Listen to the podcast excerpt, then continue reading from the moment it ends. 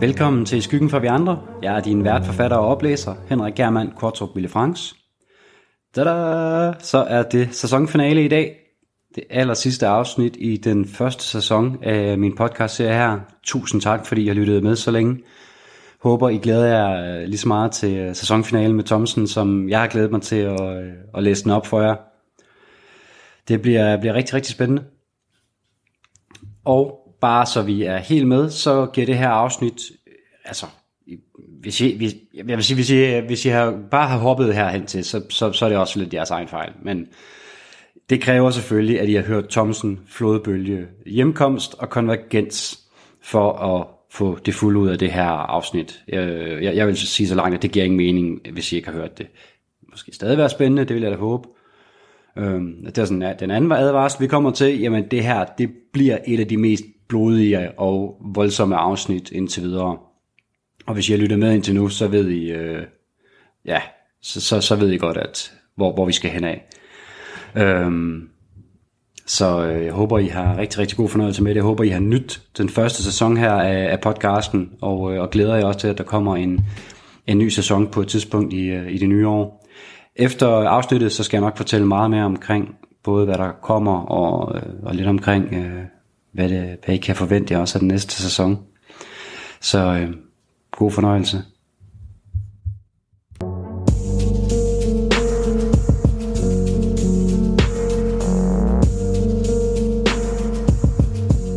Sæson 1, afsnit 15.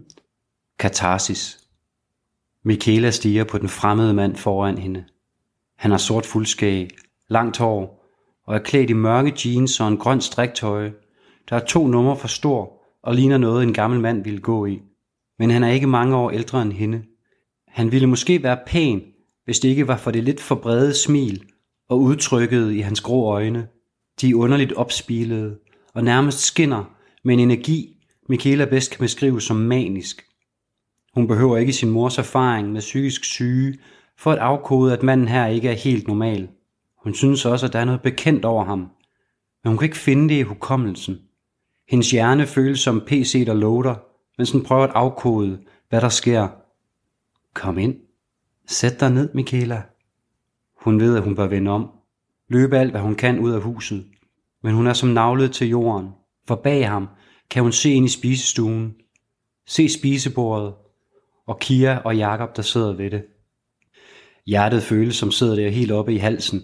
Pulsen banker afsted som et stempel, der er gået amok, og lungerne hiver efter ilt. Sveden driver ned ad ryggen. Basse er kun stoppet få gange undervejs. Kun lige nok til, at Thomsen har kunne følge med. Han har fulgt efter hunden gennem det meste af nordvest nu. Ikke mod den rute, som Michaela burde tage hjem fra caféen, men direkte mod hendes hjem. Hvad deler når den skøre hund gang i? Thomsen drejer rundt om et hjørne. Han kan se Mikelas hus nu, kun 50 meter længere fremme. Men Basse er intet sted at se. Måske han rent den anden vej. Pokkers. Han bliver nødt til at få vejret. Han stopper op i skyggen fra en høj hæk og prøver at få vejrtrækningen under kontrol. Midt i kisperiet og væsen fra lungerne lover han sig selv at få dyrket mere motion, når alt det her er overstået.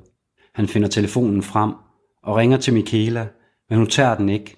Han bliver nødt til at være sikker på, at hun er kommet hjem, og han skal have fundet Basse. En tanke slår ham. Han har glemt pistolen. Den ligger derhjemme. Var han typen, der bandede, så ville replikken fra en gammel film med Mel Gibson og Danny Glover være perfekt at sige højt lige nu. Men han må nøjes med at tænke den, mens han går over mod huset. Sæt dig. Så er du sød. Manden, der kun kan være psykopaten Mass, peger på en ledig stol. Michaela kigger på Jakob og Kia, der sidder bundet til hver deres stol med gaffatape for munden.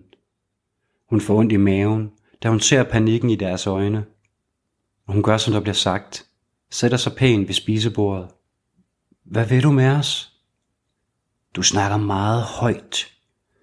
Det, der skal ske, er, at vi skal have os en hyggelig familiemiddag. Det var ikke planen, at det skulle være sådan her. Men du skulle absolut gøre det besværligt sammen med den gamle mand og hans bæst. Men hvis du opfører dig pænt, så spiser vi et dejligt måltid sammen, og dine plejeforældre her vil se dagen i morgen. Du vil til gengæld møde morgendagen som en reddet sjæl, der har fundet en ny skønhed. Se det som en rigtig god handel. Mads tager kniven fra fadet og begynder at skære stegen ud. Michaela prøver at forstå, hvad han har sagt. Prøver at forstå konsekvenserne. Tag nogle kartofler, Michaela. Det er lang tid siden, jeg har lavet ordentlig mad. Så jeg er spændt på, hvad du synes. Dine plejeforældre må vente lidt med at spise. Men det vil være synd, hvis maden bliver kold. Michaela gør, som der bliver sagt. Uden at slippe masser syne, putter hun kartofler, sovs og rødkål på sin tallerken. Hun er bange for at tale til manden, for at gøre ham vred. Men hun bliver nødt til at forsvare. Hvorfor mig? Hvad har jeg gjort dig? Mads svarer ikke, men lægger et stykke steg på Michaelas tallerken. Han fægter lidt med kniven i luften, mens han tænker, jo, ser du, jeg har fået et højere kald her i livet. Et, som jeg må adlyde, om at skabe skønhed, hvor der er grimt og ondt. Og det kald har udvalgt dig. Ser du, din mor fik desværre ikke helt den forskyndelse, som hun fortjente. Så jeg ser mig forpligtet til at korrigere for det. Michaela kan mærke en spændingshovedpine begynde i det forreste af hovedet. Hun forstår ikke, hvad han snakker om. Det er jo ren volapyk. Hun kører forsigtigt, små bidder ind i munden med gaflen. Mads går rundt om bordet, mens han fortsætter med at vrøvle.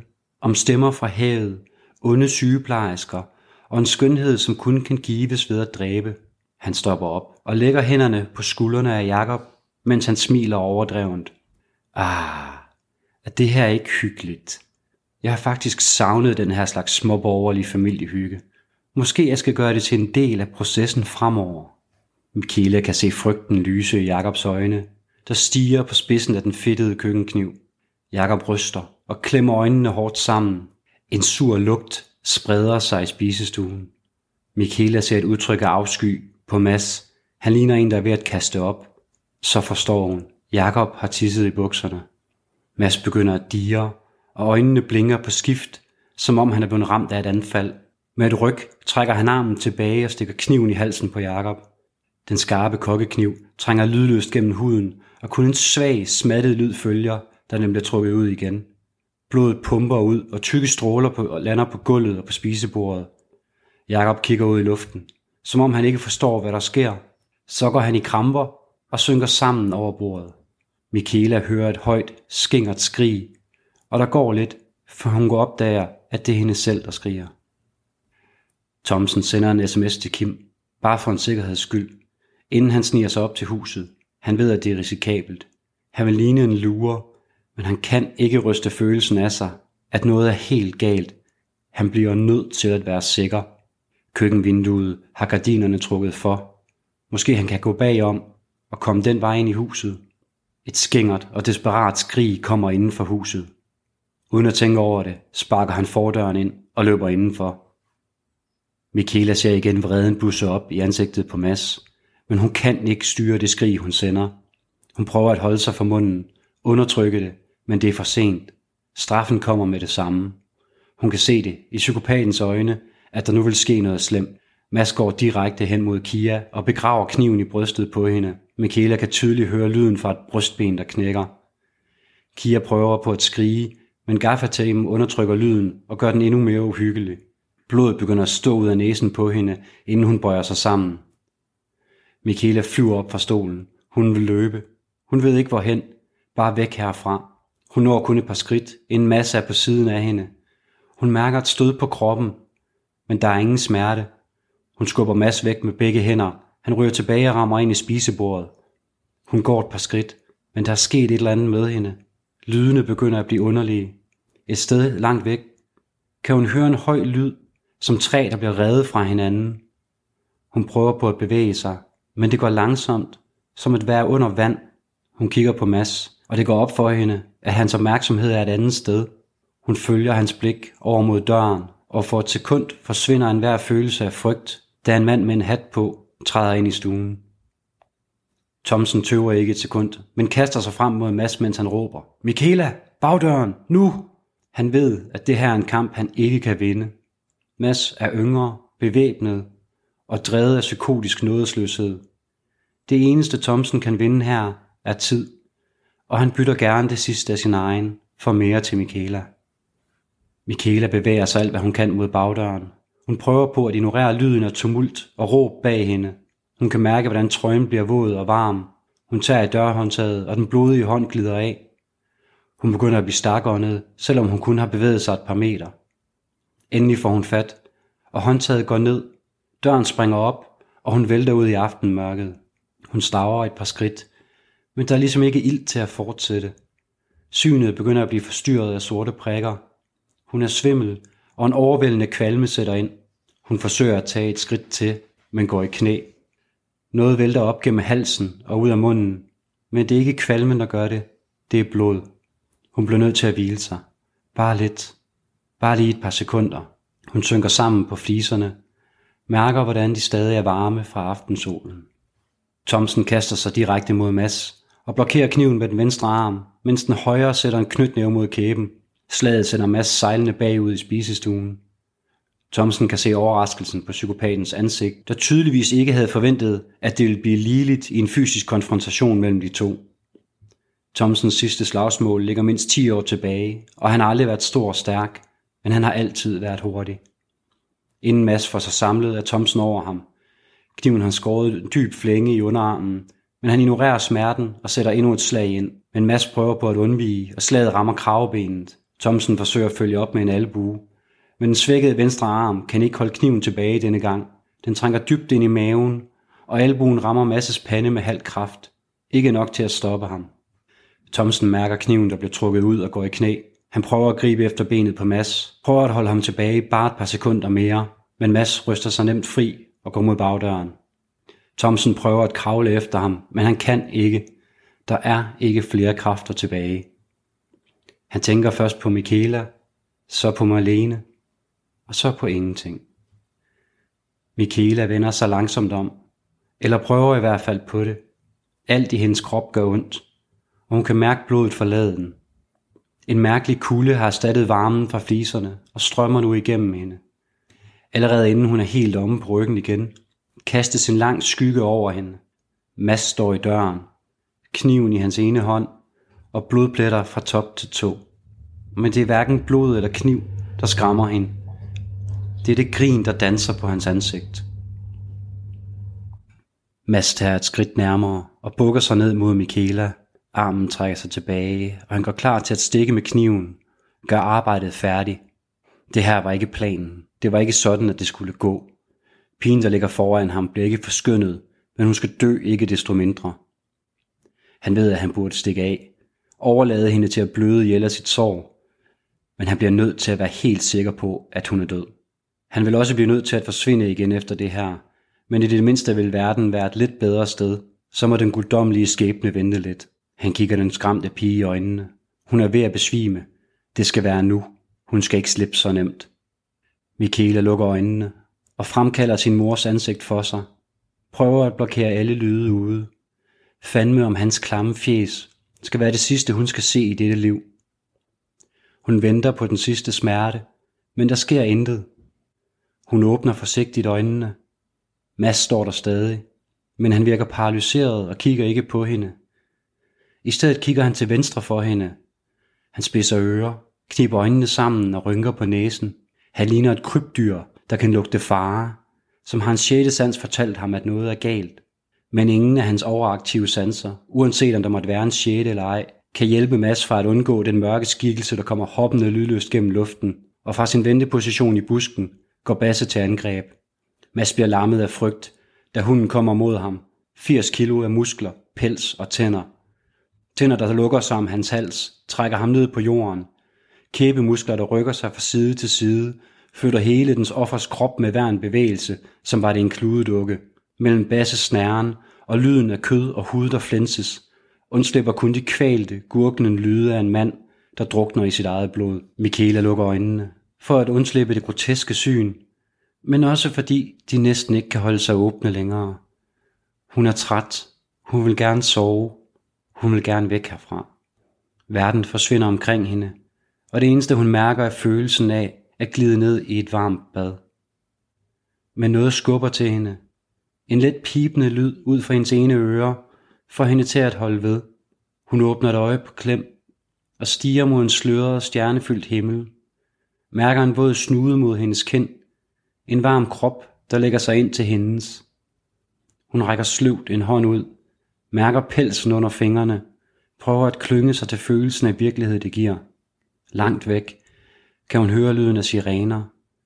Så en underligt, nærmest vinende lyd, måske fra en bil, der bremser. Og lige inden hun igen lukker øjnene, kan hun mærke noget, der vibrerer i fliserne. Måske er det løbende fødder, måske er det bare hendes fantasi. En tanke glider gennem hende, om en mand med en hat, men hun kan ikke finde navnet lige nu. Og så bliver alting sort. Michaela lægger en blomst på graven og synger et fingerkys afsted mod stenen. Hun kan mærke den gamle følgesvend flodbølgen, der rumsterer et sted nede i maven. Men følelsen af pels mod hendes hånd tager opmærksomheden. Hun klør basse mellem ørerne og smiler. Der kommer ikke flere flodbølger. De forbliver dernede som små jordskælv. Hun er stærkere nu og ikke længere alene. Basse følger trofast ved hendes side, da hun langsomt går væk derfra.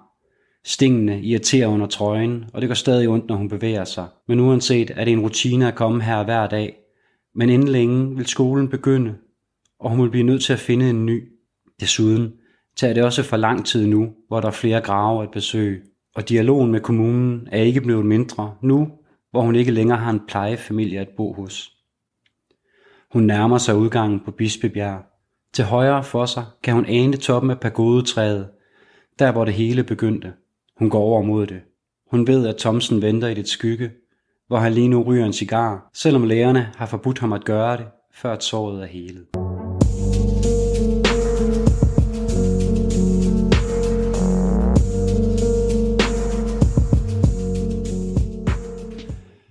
Så håber jeg, at du har fået pulsen ned og sidder med et lille smil på læberne, og øh, at det var ventetiden værd. Jeg håber, du kunne lide slutningen på den lille følgetong her. Historien om Thomsen, øh, eller faktisk helt specifikt udkastet til den slutning, du lige har hørt, det var faktisk det allerførste, jeg skrev for over halvanden år siden, før jeg startede på min øh, debutroman. Thomsen, han var den allerførste karakter, jeg, jeg skabte, og, øh, og den følgetong her, øh, startende med, med slutningen, og så havde jeg nogle, nogle nedslagspunkter undervejs, at han skulle møde Michaela i, øh, i en park, og Master, der jagtede hende og de her ting. Øhm, og det skulle egentlig have været en, en, en novelle, øh, som muligvis kunne have udviklet sig til en roman. Øh, så kastede jeg mig så i stedet for over en, en anden historie, som øh, for mig som forfatter var lidt lettere at gå til, øh, og jeg var lidt i tvivl om, om Thomsen han nu kunne bære en, en hel roman, og det er måske for så vidt stadig. Han er en fed figur, øh, men jeg har heller ikke lyst til at afmystificere ham for, for meget, så derfor vil han nok fortsætte med at være sådan en slags, jeg kan godt være en hovedperson, men han vil ikke være hovedpersonen. Jeg vil godt bevare lidt af, af mystikken omkring ham. Øh, men da jeg så startede podcasten, så var det en oplagt mulighed for at prøve nogle historier af med ham i et, i et format, hvor jeg kunne, kunne binde det sammen på den måde her. Men hvem ved, mås- måske historien en dag bliver til en, en hel roman, men, øh, men indtil da, så kan du glæde sig over, at han, han kommer til at vende tilbage mange gange, Thomsen. Ikke bare på podcasten, men også som øh, en bifigur i min øh, debutroman, og som fast hovedfigur øh, i den næste roman, jeg vil at skrive, som gerne skulle være den første af en, øh, en serie. Og øh, den roman, jeg lige vil at skrive nu, der er han sammen med Cleo fra det forrige afsnit, øh, hvor de er en lille gruppe af, af betjente, der sammen skal forsøge at opklare en, en voldsom forbrydelse, inden at dens konsekvenser bliver katastrofale for, for, for, for faktisk for hele samfundet. Så, så det kan du glæde dig til i hvert fald. Det her, det er også slutningen på den første sæson. Jeg arbejder på et øh, bonusafsnit, hvor jeg snakker lidt bag om podcasten, bag om historierne, og også forklarer lidt af nogle af de her øh, sammenhænge, men der er ikke nogen garanti for, øh, hvornår det, det lander. Nu vil jeg i hvert fald holde en, øh, synes jeg selv, velfortjent julepause, øh, mens jeg får min debutroman helt færdig, og, øh, og så får, får øh, sådan ligesom gjort helt klar til, til den næste sæson. Jeg vil gerne have et par afsnit legnet op og optaget, inden jeg, jeg går i gang med den. Øh, og hvad skal der så ske i den næste sæson, det spørger du måske. Og øhm, jeg har faktisk allerede et par færdige historier, der er skrevet, der ikke er optaget, som, som egentlig vil have haft med i den her. Jeg har også et par øh, historier fra gæsteforfattere, som, som allerede er klar og egentlig bare skal indlæses, men, men det venter jeg altså med til, øh, til den næste sæson. Og øhm, det jeg ved, det er, at vi kommer til at vende tilbage til Jonas, til Tom, til Sten, Thomsen og, og, og Basse. Og øh, vi får også ved at vide om Jonas' mystiske arbejdsgiver, og, øh, og så kommer der selvfølgelig mange flere twists, blodige afslutninger og, og uventede sammenhænge. Den næste sæson vil også komme til at have en eller flere følgetonger, ligesom den her med Thomsen, men måske hvor jeg vil prøve endnu mere direkte at kæde dem sammen, altså simpelthen en lang historie delt op på, på, på, på flere afsnit. Øhm, og selvfølgelig så vil den næste sæson også have nogle historier, der knytter sig direkte til min debutroman. Øh, selvfølgelig håber gør jeg øh, nysgerrig på den, inden den udkommer der i, øh, i start april. Og øh, jeg kan også lige i den forbindelse afsløre, at en af hovedpersonerne i min debutroman faktisk allerede har været med i et afsnit her på podcasten, men jeg vil ikke fortælle, hvem det er. Det må I selv gætte jer frem til, når I læser bogen. Der er mange, der spørger, får vi svar på alle de her spørgsmål, der, er, der ligesom bliver stillet i løbet af, øhm, af historierne. Hvem er det, Sten og Tom, de, øh, de arbejder for, og, og hvad har deres arbejde med, med masser at gøre, og hvordan hænger det sammen? Øhm, og nogle af tingene vil jeg selvfølgelig besvare hen ad vejen, men der er også nogle ting, som jeg vil vente med til mine romaner, og så er der nogle øh, helt, måske sidste ting, som jeg vil overlade til, øh, til fantasien. Øhm, der er nogle af mysterierne, skal man lade forblive mysterier. Men øhm, vi lyttes ved i det nye år, og indtil da, så øhm, må du have en, en rigtig dejlig jul og et godt nytår. Husk at abonnere på podcasten, eller følg mig på Facebook, så du får øh, besked lige så snart den nye sæson den starter. Og til sidst en appel for mig, hvis du har kunne lide at lytte til podcasten, om du ikke vil rate den, anmelde den, anbefale den der, hvor du lytter. Det, det betyder rigtig meget for mig. Så er der flere mennesker, der, der opdager podcasten, når de søger i, øh, i iTunes eller Spotify, eller hvor det nu er, de, øh, de kigger efter podcast, så kommer den selvfølgelig mere frem. Og det vil jeg jo rigtig gerne. Kan jeg høre dig godt, til vi øh, til lyttes ved igen. Hej hej.